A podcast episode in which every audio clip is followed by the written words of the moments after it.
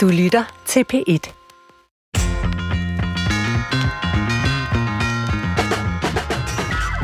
Nogle år efter, der er så 14 år, der blev anholdt på øh, Istegade med kokain i lommerne. Og der kom min mor så der øh, med tårer i øjnene og var fuldstændig øh, fortvivlet. Og, og det var altså, det, det, det, det er et minde, jeg stadig har dagen i dag, som virkelig også nærer mig. Den dårlige samvittighed. Den kan man få af mange grunde. Når man har spist for meget chokolade, når man har glemt sine lektier, eller hvis man har skadet et andet menneske.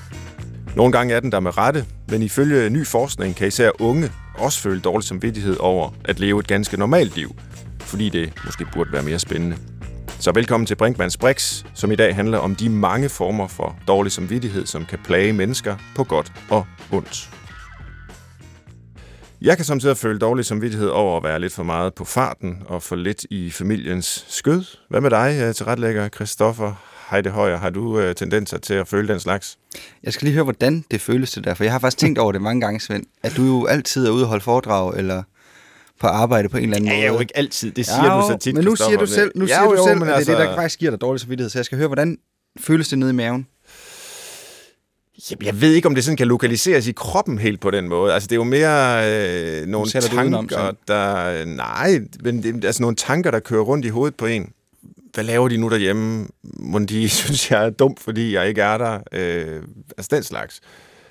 Det er ikke, det er ikke sådan en, en, en, en kropsfornemmelse nødvendigvis, jeg kan pinpointe.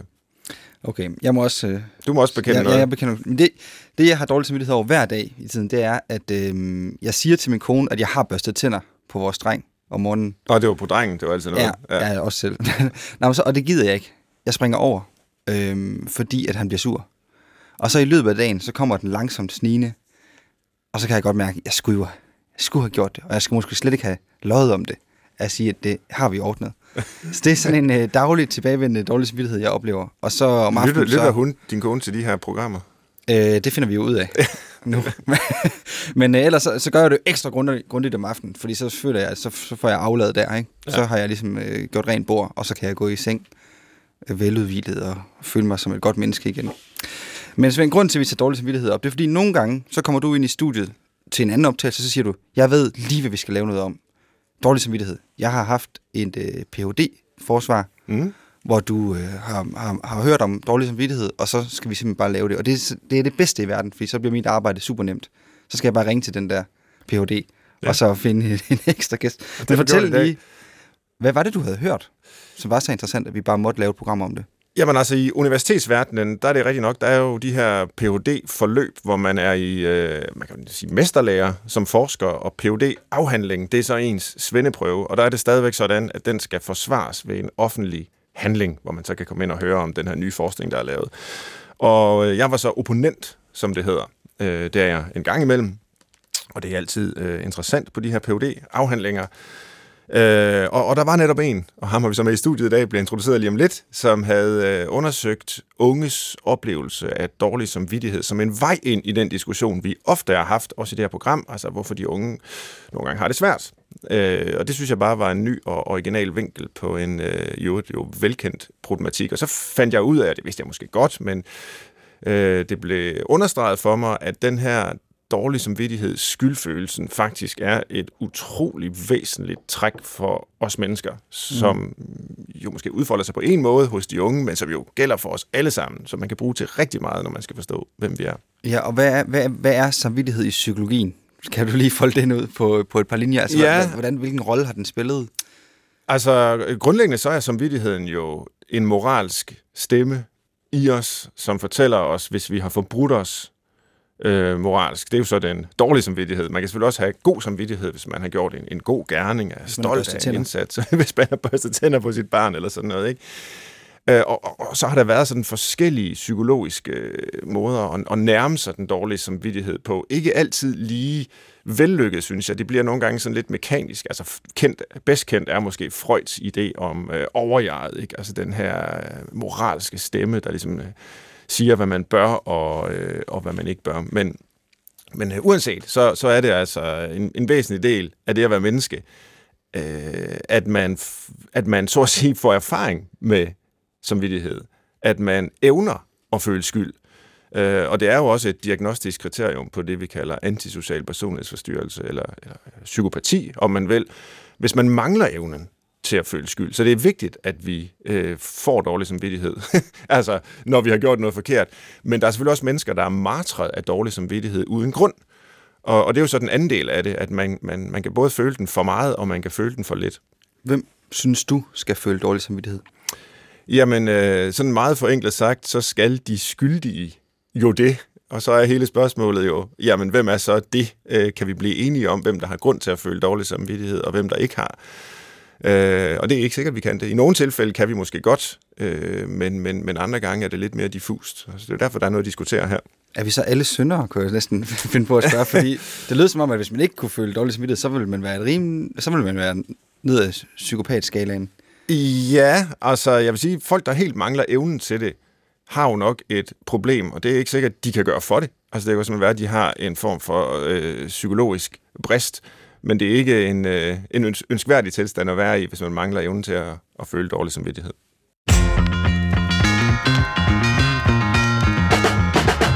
Velkommen til Brinkmanns Brix.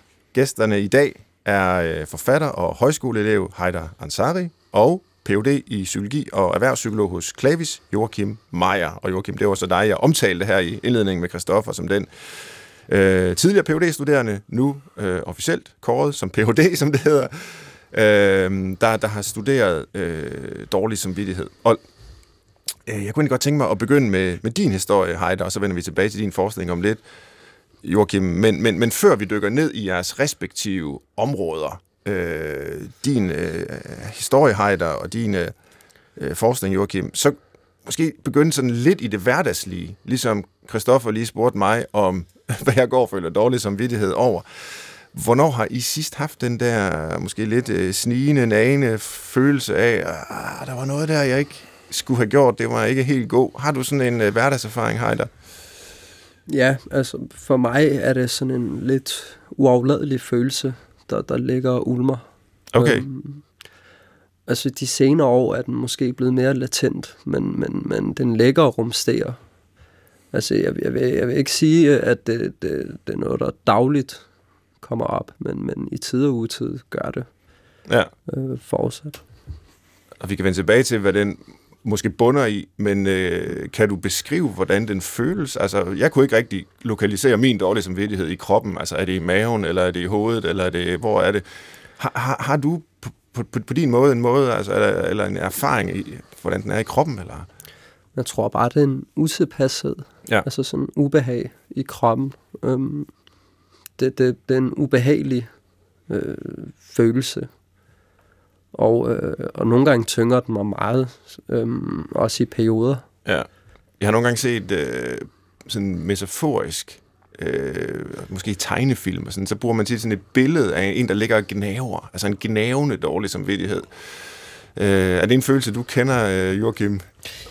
Ja, altså det, øh, det er det bestemt. Øh, den dårlige samvittighed er i hvert fald helt klart en, en følelse, jeg kender. Jeg tror, øh, altså jeg kunne pege på nogle nogle bestemte episoder, ikke også i mit liv, men, men jeg tror også, at jeg føler det her, der du siger omkring øh, det her med sådan også en, en lidt mere sådan generel nane erfaring, og jeg har sådan noget, øh, jeg har sådan noget med tiden, altså at jeg, jeg, øh, jeg kan godt få dårlig samvittighed over, og hvis jeg ikke føler, at jeg har udnyttet min tid godt nok, mm. hvis jeg føler, at jeg har spildt min tid. Øh, det er sådan en, en tilbagevendende øh, nane erfaring, at, øh, øh, at jeg ikke har videt fokus nok øh, til min tid, eller, øh, eller har spildt den simpelthen. Ja. ja. ja. Det er der måske en almen øh, erfaring i, som vi også øh, kan vende tilbage til. Så nu har vi bare lige fået sat scenen her med nogle, øh, med nogle hurtige eksempler på, hvad dårlig samvittighed kan være, hvordan det kan udfolde sig. Og så synes jeg, vi skal tage din historie, Heider, fordi du sidder her jo, fordi du øh, har skrevet den her bog, der hedder Institutionaliseret, som er øh, en digtsamling, øh, som tager udgangspunkt i øh, dit eget liv, dine egne erfaringer, dine egne handlinger. Øh, og for lyttere, som ikke har fulgt øh, ligesom udgivelsen af den bog, der kom øh, sidste år, modtagelsen af den, og den har fået flotte anmeldelser, og, og, og er blevet diskuteret i medierne, så skal du måske bare lige fortælle, hvad, hvad handler den bog om? Ja, altså det er jo en dæksamling, hvor ja. man øh, følger et jeg i øh, kronologisk handlingsforløb, øh, hvor jeg vokset op i socialt belastet boligområde, øh, fyldt med øh, armod, kriminalitet og bare en generel elendighed i en øh, københavnsk ghetto. Så følger man jegets øh, vej ind til kriminalitet og, og, og anbringelser på diverse sikrede institutioner, og øh, senere hen i egentlige fængslinger. Og, og den hedder jo institutionaliseret, fordi volden og hadet, racismen, er blevet institutionaliseret. Så, så det er sådan et grove træk, hvad det handler om. Mm. Det er en du, meget voldsom bog. Det er det virkelig. Der er mange stærke beskrivelser øh, vold, af vold især jo. Ikke? Altså, du, jeg lagde mærke til, at du sagde, at der er et jeg i bogen. Men du sagde ikke, at det var dig, der var det jeg. Nej, og det er også vigtigt for mig at slå fast, at det ikke er en uh, selvbiografisk dæksamling. Men, uh, men, uh, men det er jo klart, at de, de ting, jeg, altså min digte kreds om, har jeg jo et, et kendskab til. Ja. Men, men jeg vil ikke kalde den en til en min historie, fordi uh, den kunne og er mange andres historie. Nu i dag, hvor du er her, der øh, er det selvfølgelig digtsamling, der har været øh, springbrættet til, at du har fået en stemme i offentligheden, at du er blevet kendt, at vi er blevet opmærksom på dig. Øh, os, der laver det her program, så øh, når det handler om dårlig samvittighed, så handler det også om, om dig. Og selvom det ikke er en en-til-en biografi, det her, du siger, det er erfaringer, du har gjort der, men det er der også mange andre, der har gjort, øh, ja, så er der jo elementer af det her, som du har oplevet i dit eget liv. Øh, kan du prøve at beskrive din, dit liv, Øh, og vi skal også hen til en episode, der gjorde, at du faktisk øh, fik en dom og kom i, i fængsel. Men inden da, hvordan så dit liv så ud? Jeg er 21 i dag, og jeg har siddet frihedsberøvet en fjerdedel af mit liv øhm, i diverse sikre institutioner og fængsler. Og før det led jeg egentlig også i, i kriminalitet. Altså, hvis vi skal tage udgangspunkt i en dårlig samvittighed, så var det allerede noget, jeg begyndte at få som 10-årig, hvor jeg gik og rapsede fra alt og alle, og, og det affødte jo nogle konfrontationer. Øhm, hvor jeg så ville blive forholdt øhm, mine gerninger. Og det var oftest der, at jeg fik den der dårlige øh, samvittighed, fordi jeg lige pludselig kunne forstå, hvilken skade jeg ligesom forårsagede hos øh, de mennesker, jeg ligesom gik og stjal fra. Og altså en konkret scene var nogle år efter, da jeg så var 14 år, der blev anholdt på øh, Istegade med kokain i lommerne. Og øh, og fordi jeg netop var 14 år og ikke kunne pådrage et strafferetsligt ansvar, så skulle mine forældre hente mig. Og der kom min mor så der i daggryet, jeg tror klokken var 4-5 om natten, øh, med tårer i øjnene og var fuldstændig øh, fortvivlet. Og, og det var altså, det, det, det, det er et minde, jeg stadig har dagen i dag, som virkelig også nærer mig. Ja. Øhm, der har selvfølgelig også været mange øh, situationer sidenhen, også øh, da jeg blev ældre, altså med, med vold ja. øh, de senere år, hvor jeg var 15-16 år, hvor jeg havde flere sager, øh, voldsager, hvor jeg dyrkede det liv. Øh, men, men der har jeg altså via sådan noget som euforiserende stoffer og aktivt forsøgt at fortrænge det og undertrykke mm. den dårlige samvittighed og sådan noget som altså sympati. Prøvede at arbejde meget med at fortrænge alt det der, ved at blive ved med at ryge hash og til kokain og altså hele tiden jage det væk, det der, altså det menneskelige, den menneskelige kerne i os. Ja. Øhm, men hver gang jeg har været fængslet, der er jeg jo blevet afroset, og, og er lige pludselig blevet klar i hovedet. Øhm, og så rammer det som en hammer. Mm. Altså, så, så kommer alle sådan nogle følelser, angsten og depressionerne, og dårlig samvittighed, og skam og skyld, og altså, så kommer det alt sammen i en samlet øh, cocktail. Jeg sidder med spørgsmålet, hvis det nu øh, rammer på den måde, du får dårlig samvittighed, øh, du kan se på din mor, at hun er virkelig ulykkelig over, hvad du gør, dem, du stjal fra på samme måde. Hvorfor fortsatte du så? Jeg tror, at øh, jeg stadig befandt mig i et miljø, hvor sådan noget som dårlig samvittighed for eksempel er et svaghedstegn. Mm. Et meget maskulint miljø, hvor man hele tiden skulle opretholde den der stolthedsfacade. Øhm, så jeg tror, at de ting sammen med, at jeg også insisterede på at ville være kriminel. Mm. Øhm, fordi hver gang jeg kommer ud, så jeg hopper direkte tilbage til samme miljø og samme mennesker. Jeg var også 15-16 år, vel at mærke, så det var jo også, hvad kan man sige, jeg havde ikke et andet netværk på det tidspunkt. Mm. Og øh, der har også været nogle andre normer og nogle andre værdier i forhold til sådan noget, øh, altså i forhold til, hvad der er socialt acceptabelt. Og, og der har vold jo haft en anden, hvad kan man sige, Altså, det, det er ikke noget, der blev fordømt. Og, og kvæg det ikke blev fordømt, tror jeg ikke rigtigt, man får den samme dårlige samvittighed, Nej. når man bruger vold, fordi det er en almindelig metode. Mm. Hvis jeg nu tager psykologhatten på, og det er ikke altid det er den bedste hat til at forstå øh, sådan noget ud fra, men med den på, så kunne en hypotese være, og du skal bare skyde den ned, at du, du siger, at du øh, dulmer dårlig samvittighed med kokain og andre stoffer på det her tidspunkt. Når du så kommer i fængsel, så bliver du afruset, og så begynder den dårlige samvittighed at komme. Øh, når du så kommer ud af fængslet, jamen så har du adgang til stofferne igen og til kriminaliteten, og så er det tilbage i det, måske netop for at dulme den dårlige samvittighed. Kan du se, at der måske kan være en cirkularitet i det? Det er i hvert fald noget, man psykolog se vil ofte ligesom, bemærke i den slags. Er, er det noget, du kan genkende, eller er det bare øh, psykologsnak?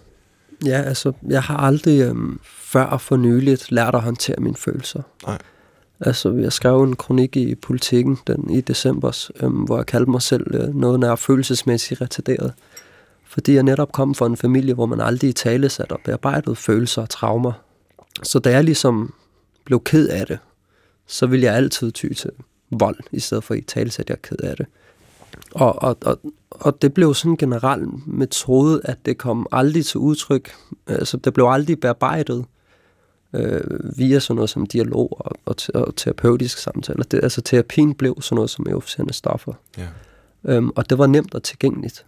Og øh, altså, når jeg blevet løsladt til de miljøer, så er jeg direkte kommet tilbage i en gruppe, hvor man dagligt røg flere joints. Øhm, og, og det var ligesom meget, altså hvis du var nede en dag som, og fortæller det til nogen, at du har lidt dårlig dag, så vil han kaste en joint på dig og sige, jamen bare ryge den her. Mm. Så vil, altså, det, en, en, altså det er sådan, man løser problemerne. Ja. Øhm, Vi skal også høre om, øh, hvad der skete, da du kom i fængsel. Altså, hvorfor gjorde du, hvorfor kom du i fængsel så- og fik en, en hård dom?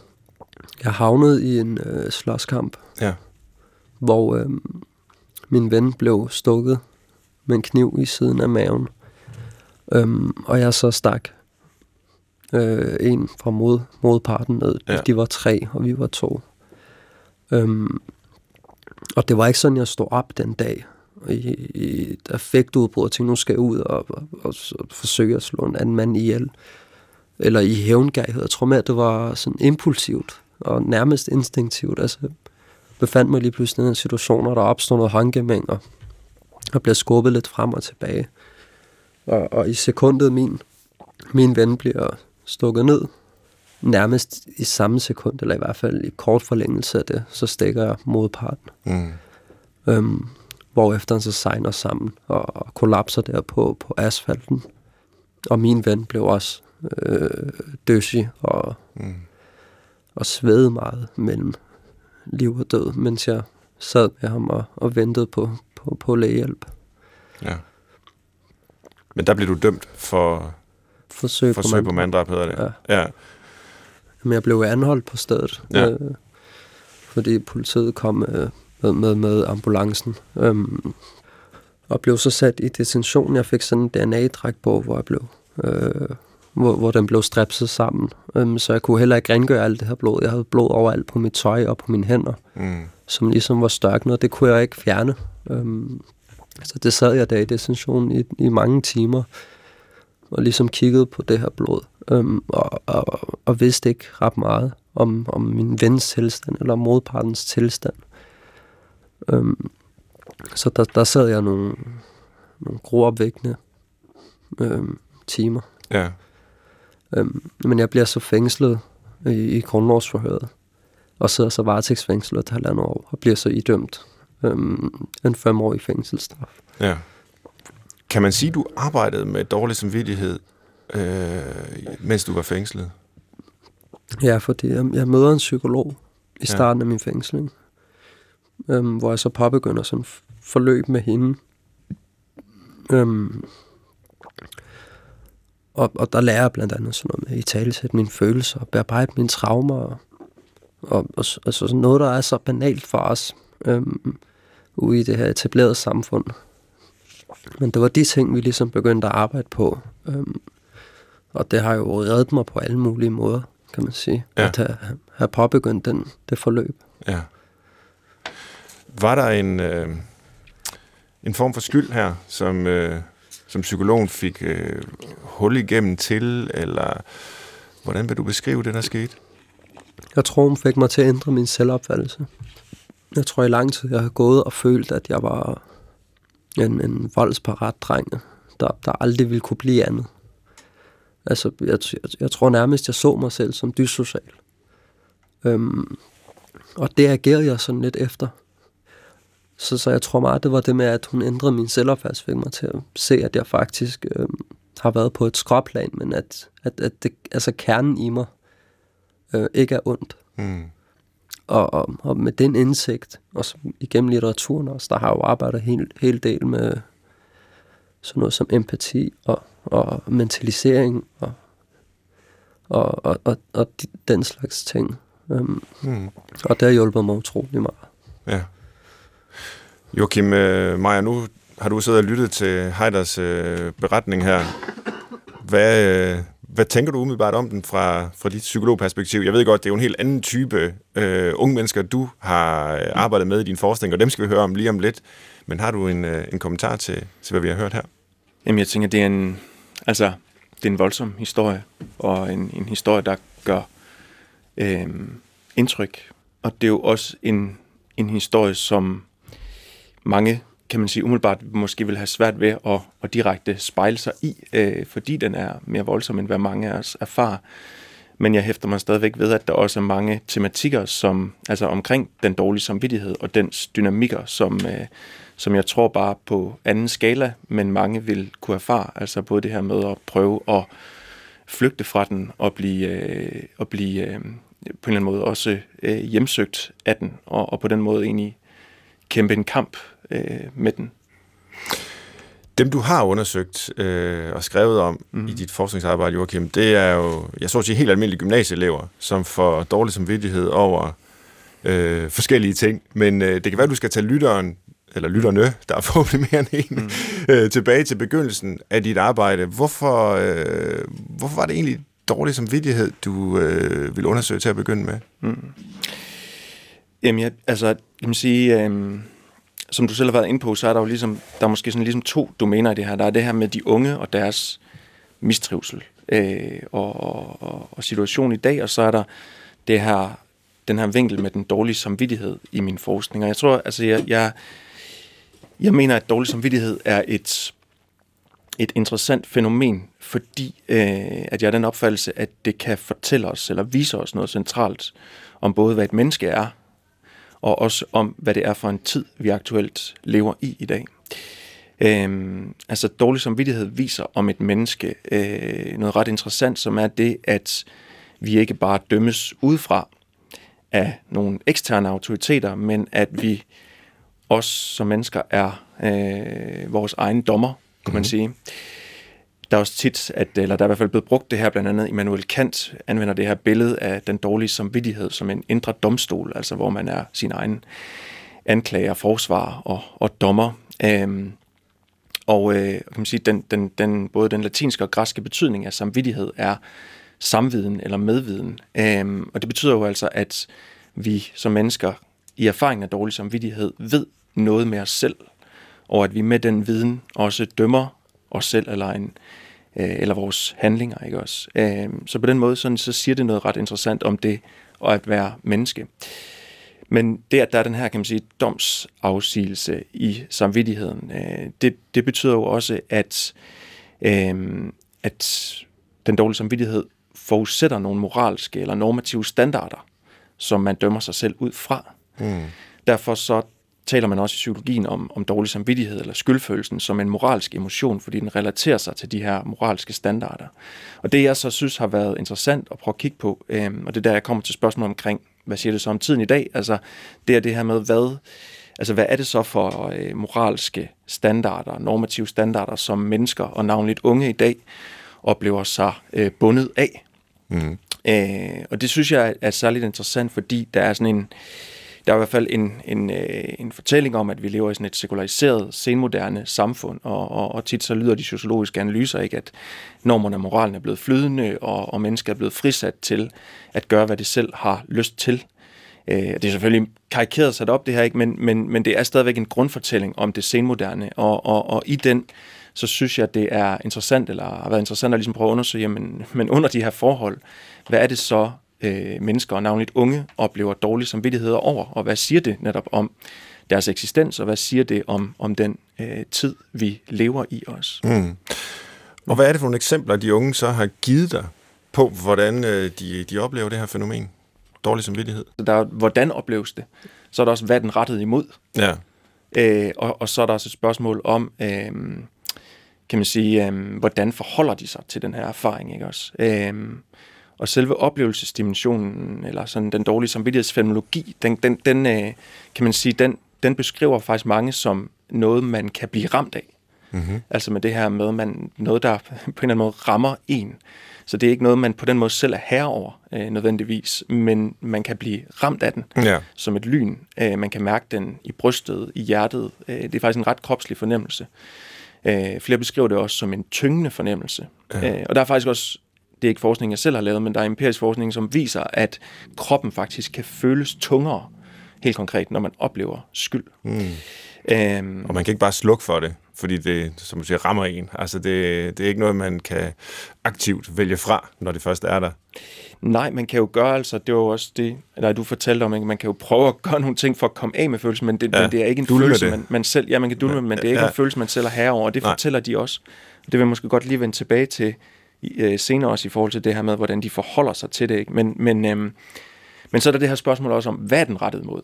Øh, og, og, og den kan man sige, den er jo rettet mod meget forskelligt, som du også startede med at sige øh, indledningsvis, Svend. Øh, men, men hvis man skulle sådan prøve, og hvis jeg skulle prøve at kategorisere det lidt, øh, så kan man sige, at, at jeg synes, der er måske tre sådan domæner, som kunne være relevante at drage frem. Ikke? Og det første øh, domæne, det er det, at den dårlige samvittighed er rettet mod konkrete andre mennesker, som man oplever at have forbrudt sig mod, eller måske særligt skuffet. Altså at man har skuffet forventninger til en fra forældre, øh, søskende, kammerater, lærere, øh, ofte betydningsfulde personer tæt på en.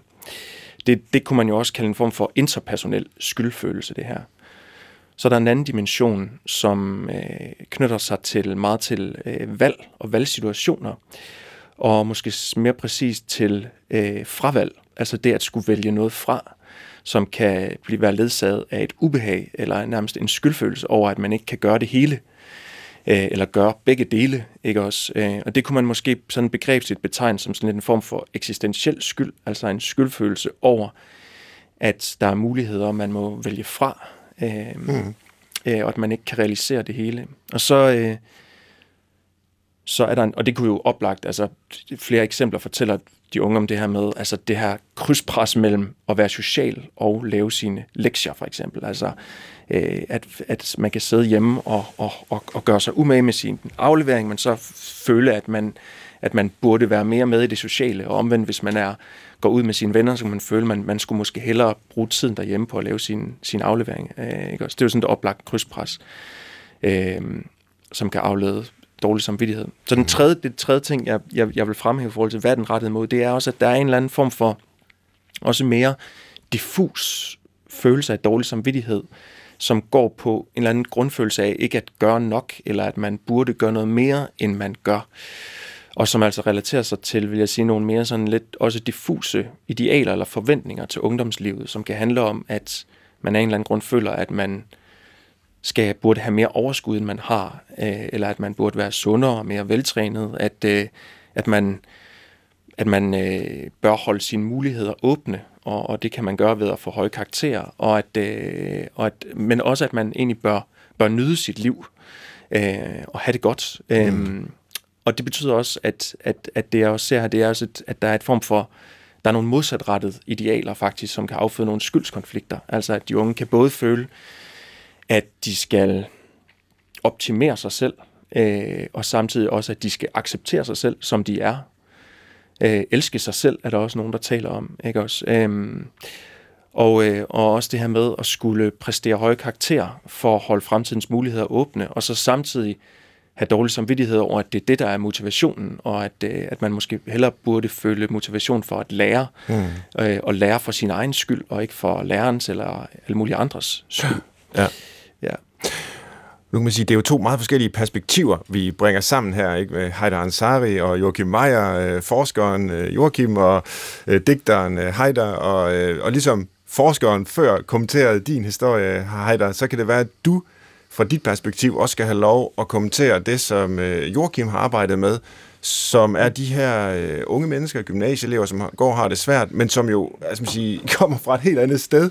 De erfaringer, de gør sig, end det, du fortalte om før, ikke? hvor du var på Istedgade som 14-årig med kokain i lommen, og du har stukket en mand ned. Det er jo noget helt andet, end, øh, end der følte dårligt samvittighed over, at man ikke når den fest, man egentlig gerne vil, fordi man også skulle lave øh, lektier, og man skal optimere sig, og, og, og hvad vi hører fra Joachim. Så hører du det her som, hold da op, sikke nogle privilegerede unge mennesker, som bare går og, øh, ja, i grunden øh, piver over ganske lidt, eller, eller hvordan vil du øh, forholde dig til det? Nej, nej, det vil jeg ikke. Altså, vi har jo hver sit udgangspunkt. Ja. Øhm, her, her i livet, og, jeg, og jeg, jeg, jeg tror grundlæggende også, at vi har skabt en eller anden slags præstationskultur. Mm. Øhm, og øh, et glansbillede af, hvordan, altså sådan en perfekthedskultur. øh, der gør, altså nu, nu går jeg på højskole blandt andet, øh, med ganske almindelige øh, middelklasse børn, øh, som altså, også støjer med hver sit. Og jeg, jeg tror også, det er det, der har været vigtigt for mig at forstå, at, at vi alle mennesker kæmper med hver sit. Altså jeg kan mærke i det, vi sidder og taler om de her ting og graver dem frem, så bliver jeg også sådan lidt tungsindet og lidt, lidt altså nedtrykt. Øhm, og på samme måde er der, er der andre, som, som, som også støjer med nogle hverdagsproblemer. Jeg, jeg, tror ikke, at, jeg, jeg tror ikke, at man på den måde skal sætte, øh, skal, skal sætte bestemte øh, grader for, hvor, altså, hvor, hvornår man må have det skidt. Nej. Øhm, for, for mig at se, det, at, at vil, det, vil det være forkert at gøre, fordi altså, vi, vi, vi mennesker, vi er også forskellige, ikke? Ja. Øhm, men altså i forhold til den dårlige samvittighed, så tror jeg også, at den isoleret set jo ikke er særlig brugbar. Øhm, der er den for mig at se først, når den kan kanaliseres til et eller andet håndgribeligt, fordi øh, altså, en, en dårlig samvittighed vil isoleret set føre til selvdestruktion, tror jeg. Mm. Altså i forhold til det, du sagde også med, med unge, der føler, at de ikke har fået gode, gode nok karakterer og alle de her ting. Altså hvis, hvis det ikke bliver kanaliseret til noget øhm, håndgribeligt, så vil den jo ikke føre til andet end en, en mere eller mindre sindstilstand af, af elendighed. Ja, den bliver bare sådan selvkredsende, og man graver sig ned i et sort hul, og Ja. måske kommer til at bekræfte den. Er det det, du mener? Ligesom du selv var inde på før i din fortælling, Heider, du, altså det her med, du så dig selv som sådan et, en, et problembarn, en problemdreng, mm. og så øh, kan man sige, agerede du bare den rolle, mm. så at sige, ikke? Jo, og det er jo, det er jo først, når vi kan handle på det, for mig at se, Ja. at, at, at vi kan bruge det til noget. Fordi hvis vi ikke handler på det, og det bare ligger og rumsterer, så er jeg overbevist om, at før eller siden, der vil, der vil ballonen briste. Og, og, og, det vil bare føre til en, en negativ spiral. Du markerer, Joachim. Det er i forhold til det her også med, ja, altså, man sige, brugbarheden af den dårlige samvittighed. Mhm. Og når det I taler om her, er det her med, at den, den ligesom kan, altså den kan blive destruktiv, hvis, hvis den bare bliver selvkredsende og så videre, ikke? Øhm, og det, det er, det er helt klart enig i, at, at, at det kan være en, en, en øh, afledt konsekvens af den. Øhm, men jeg kommer til at tænke på det eksempel, som, som Christoffer han faktisk bragt ind omkring det her med at børste tænder på hans søn. Jeg ved godt, det, det, det er et banalt eksempel, men, men det han, jeg lagde mærke til, at Christoffer sagde, det var det her med, så børster han dem lidt bedre om aftenen.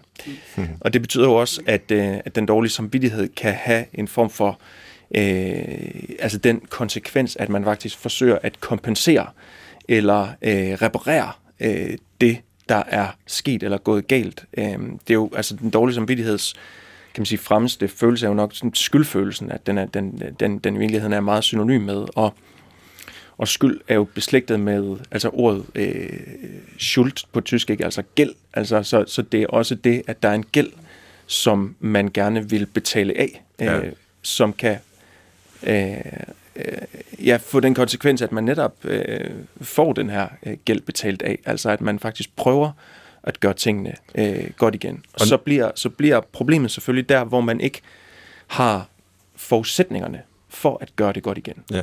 Øh, fordi måske noget af det, som man øh, skulle gøre for at, at gøre det godt igen, er noget, man ikke kan. Altså, øh, det ligger uden for ens magt måske. Og det kunne for eksempel være at, øh, at undskylde.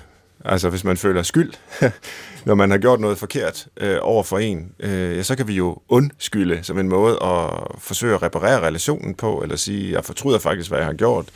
Øh, det var helt forkert. Øh, kan du tilgive mig? Man kan bede om tilgivelse, man kan lette sit hjerte øh, på den måde. Men som du siger, Joachim, så kræver det jo, at man ligesom har, har lært det. Øh, at det er noget, man kan. Øh, øh, at, at, tænker på dig, Heider, og din historie. Er det noget, du har, har brugt? Du fortalte øh, om forløbet med psykologen, da du var indsat. Men øh, det her med at, øh, at, at bede om tilgivelse eller øh, undskylde, har du erfaring med det? Ja, altså man kan også sige meget af mit virke i dag øh, i samfundsdebatten og i litteraturen er egentlig også måske min måde at gå bodsgang på. Mm-hmm. Der har selvfølgelig også været de der konkrete ting med, med at søge øh, tilgivelse, øhm, som jeg også har forsøgt. Altså jeg kan huske faktisk, og det er nogle år siden, da jeg var 16 år, øhm, og skulle i retten for et forhold, jeg havde begået et halvandet år for enden, men grund af de lange ventetider kom den først for retten der halvandet år efter. Mm. Det var et overfald, jeg havde på, på, på, en, på to pædagoger, hvor jeg havde deltaget i et overfald. Øhm, og der var så gået et halvandet år. Men da jeg så sad i retten og, og hørte den forurettedes vidneberetning, om hvor meget han ligesom har måtte, øh, altså hvor meget last han har, altså hvilken skade jeg ligesom havde forudsaget i ham, Ja. øhm, der blev jeg virkelig øh, ked af det. Altså fik sådan virkelig skam og skyld. Øhm, og der kan jeg huske ud, altså i, i retsbygningen der, gik jeg så hen til ham, øhm, da, da retten ligesom var, eller jeg tror, det var under en pause, øhm, og, og, og gik så hen og undskyld. Øhm, og det endte faktisk med, at han også gav mig en, en kram og sagde, op. lad, os- lad os lade det ligge. Og han er ellers altså, lidt overlast og havde, havde, du fik havde svært ved at komme på benene igen, ikke? Ja. Så der er også det med, altså, med den dårlige samvittighed. Jeg tror lidt, det der jeg prøvede at sige med, som du også sagde, når man, når man ligesom får kompenseret, eller får, får skabt et eller andet. Man kan sige, min dæksamling er måske min måde at kompensere på. Ja. At jeg kommer her i dag og, og graver nogle af de her ting frem. Øhm, at er nok mit forsøg på det. Ja. Og Joachim, dem du har talt med, øh, det, det, som jeg husker dit arbejde og kender til det, så er det jo typisk nogle lidt, eller det er jo selvfølgelig nogle helt anderledes situationer, end det øh, Heider har, har været i i sit liv, men det har også en, en strukturel forskel på den måde, Heider her kunne bede om tilgivelse, eller han kunne undskylde over for en pædagog, han havde voldt ondt, men mange af de historier, de, dine unge mennesker i, i dit materiale øh, fortæller om, det er, at det er over for dem selv, mm. at de, øh, så at sige, føler skyld øh, over, at de ikke får gjort det ene og det andet, og de ikke udnytter tiden godt nok, og, og den slags.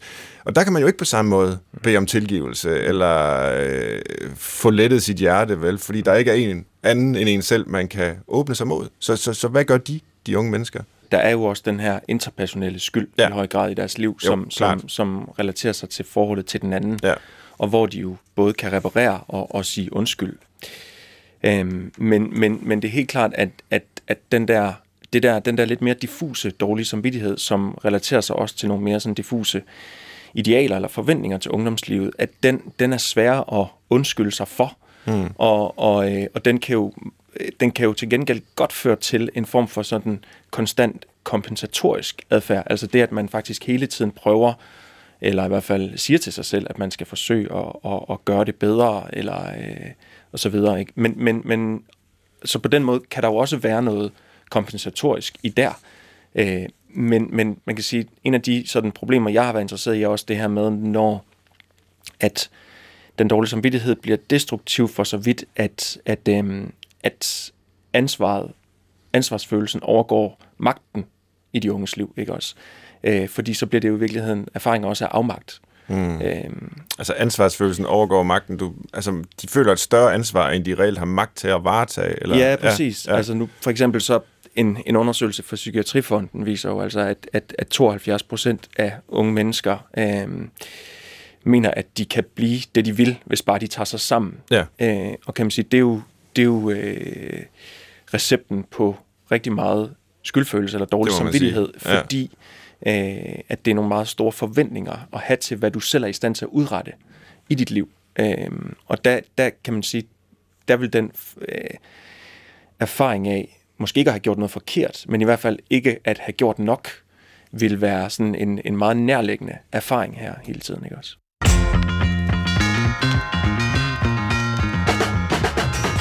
Du lytter til Brinkmanns Brix i dag med Heider Ansari, der er forfatter og højskoleelev, og Joachim Meyer, som er Ph.D. i psykologi og i dag erhvervspsykolog hos Clavis.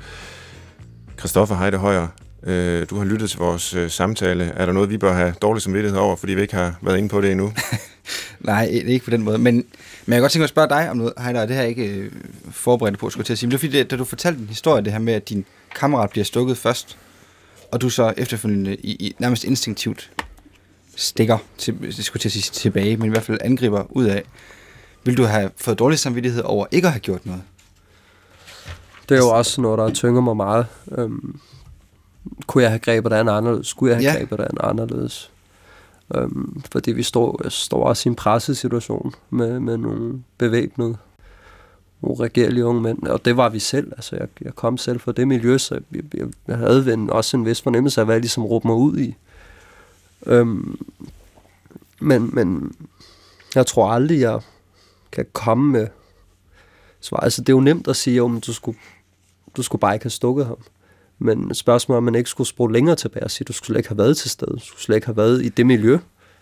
Øhm, så, så bliver, ja, men altså, hvorom alting er, kan man sige, at, at skaden er blevet udrettet. Mm. Og, og det må jeg ligesom øh, kæmpe med. Også de senere minutter, hvor jeg stod der med min ven i, i noget nær 20 minutter, øh, og holdt hans indvold øh, og ventede på den her lægebehandling. Det er, jo, det er jo sådan de ting, ligesom må leve med at forholde mig til det. Og, og dit arbejde med netop, som du siger, gå bodsgang, øhm, er det for andres skyld, eller er det for din egen skyld? Nej, altså, jeg er meget imod det med, der har også været mange, der har blandet sig blandt andet på sociale medier også, og haft sådan en holdning til, at du skulle bare være et sort hul og spærres ind, eller du skulle bare sidde der og angre i, i de næste 30 år. Øhm, og, og der har det meget sådan i forhold til sådan noget med, med dårlig samvittighed og bearbejde det. det. Det er meget individuelt for mig, hvordan jeg gør det, øhm, hvordan jeg gør det, og hvorfor. Øhm, fordi for mig så er der ikke nogen, der skal diktere, hvornår jeg skal have dårlig samvittighed over hvad, og, hvor, og hvordan jeg så skal deal med det. Øhm, det, det nægter jeg at falde, falde ned i det.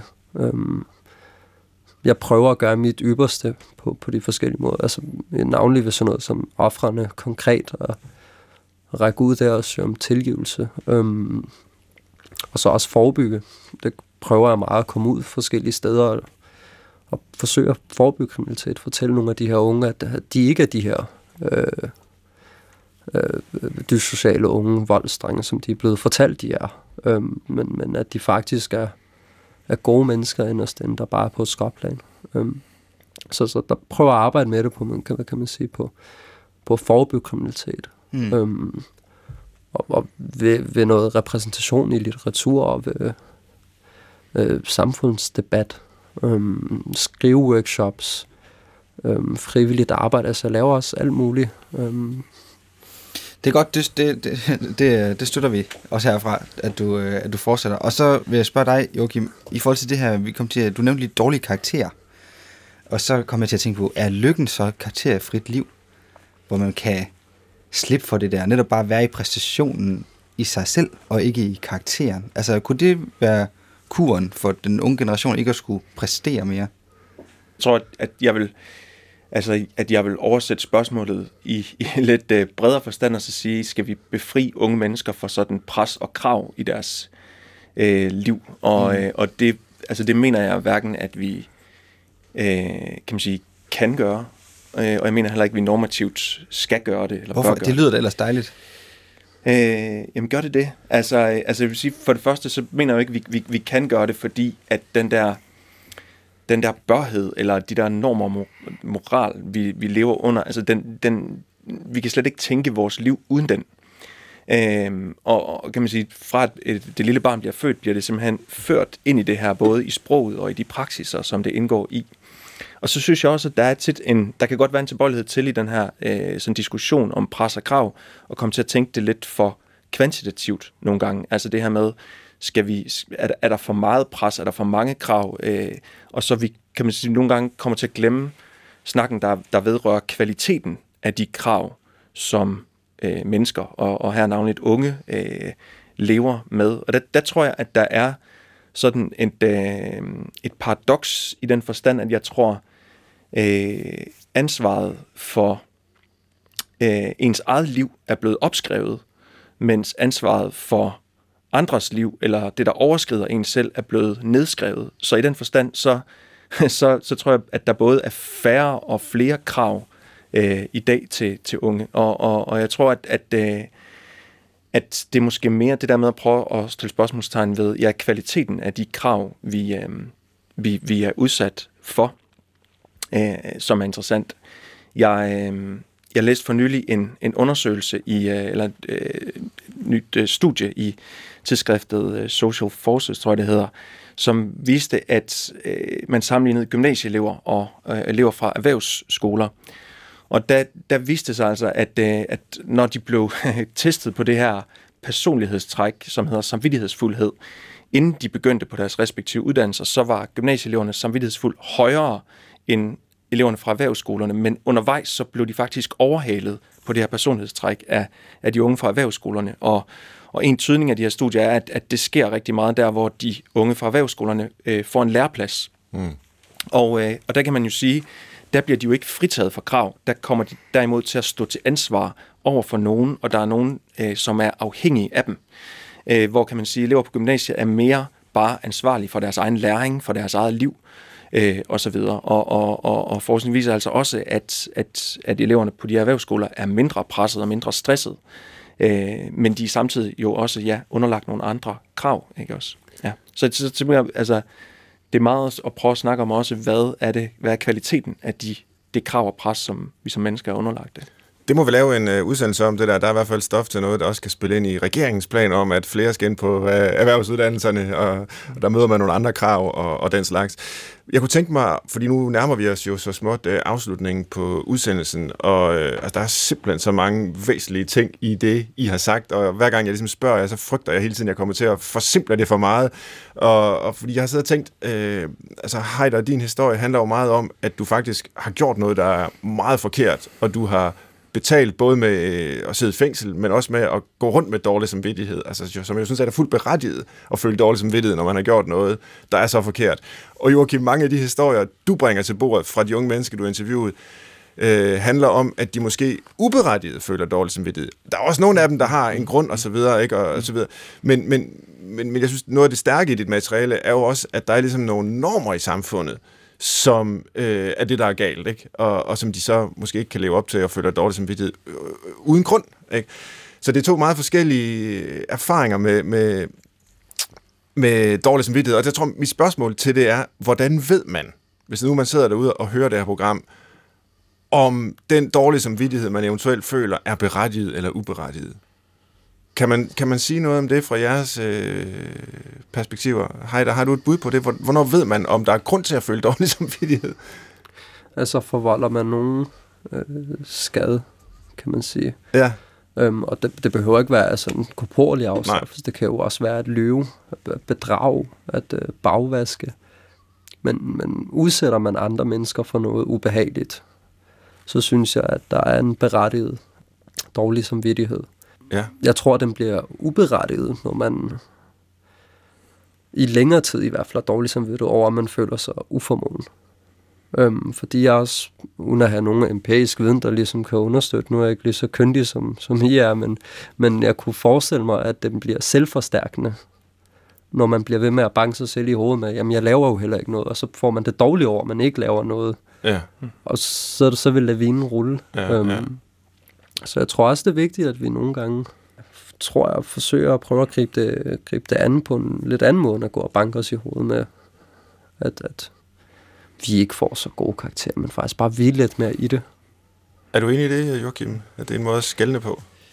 Jeg synes i hvert fald, det, det er helt klart, jeg er værd at spørge sig selv, om det her med, gør mine handlinger andre ondt. Ja. Øhm, jeg tror, jeg vil supplere med det i, i forhold til, altså det her med at i det hele taget ikke at opfatte dårlig samvittighed som en eller anden isoleret følelse, men at spørge til, hvad retter den sig mod?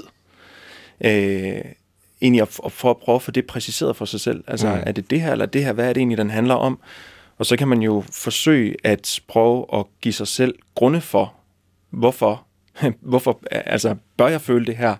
Øh, hvilke grunde er der, er der gode grunde er der til det, og, og hvilke gode grunde er der til øh, ikke at gøre det? Øh, men, men, men jeg tror, det her med at, øh, at ligesom få, øh, få den peget hen mod, hvad den egentlig handler om, for derved at kunne lave en, øh, en, en, en vurdering af det. Men der er jo ikke nogen, altså, der er jo ikke nogen øh, metode til det. Altså, jeg tror ikke på, at vi kan underlægge den bare et kantiansk imperativ eller et eller andet. Altså, mm. jeg tænker, der, der er, man, man, man, er, man er overgivet til sin egen dømmekraft også der i en eller anden forstand.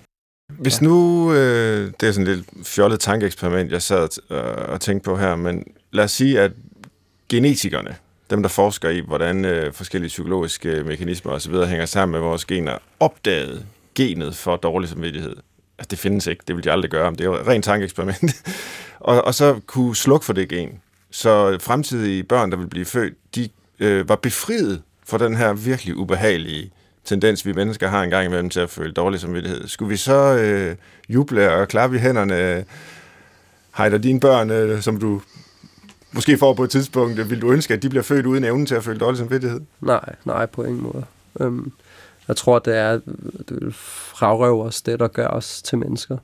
Altså, om 50 år, det må guderne vide, men jeg tænker med en kunstig intelligens, når den begynder at overhælde os før eller siden, øhm, så er der noget, der adskiller os fra dem. Ja, Og, hvad mindre at den også skal føle kunstig dårlig samvittighed. Jo.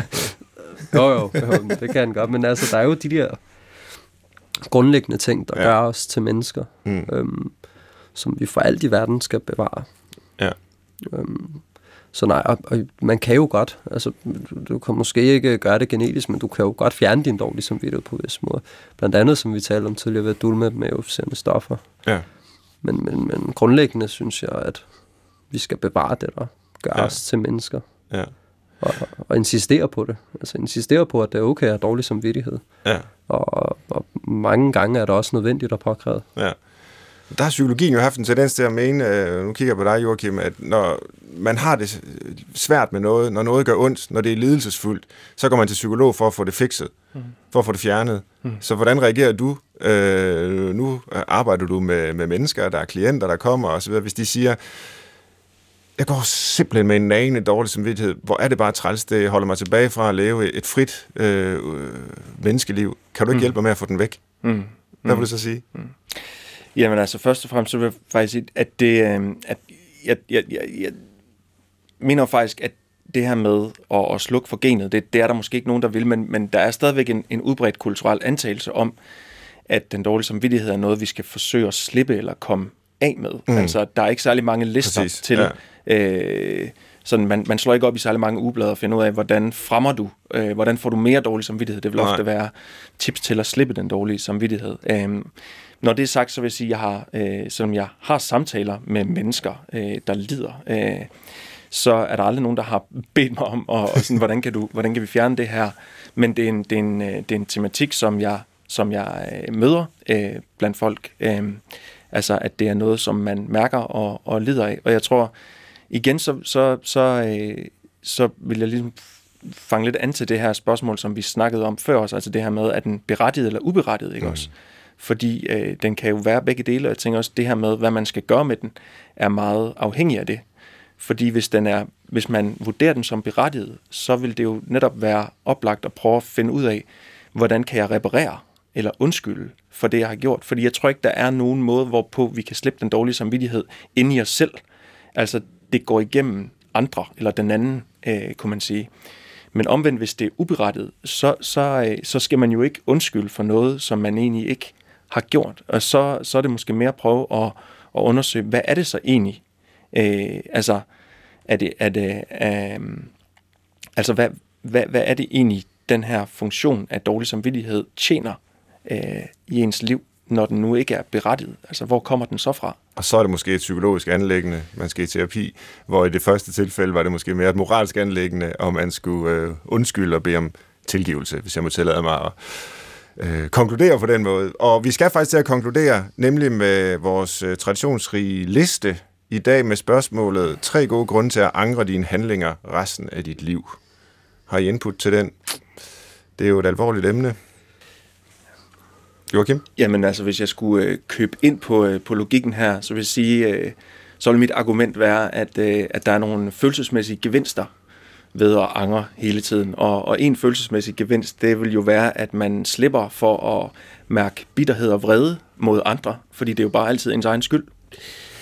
Øh, derpå så vil jeg også sige, at man slipper jo for det ubehag, der ligger i at skulle forholde sig til sin fremtid, og alle de vanskeligheder, der ligger der, fordi man er fixeret i sine fortidige handlinger.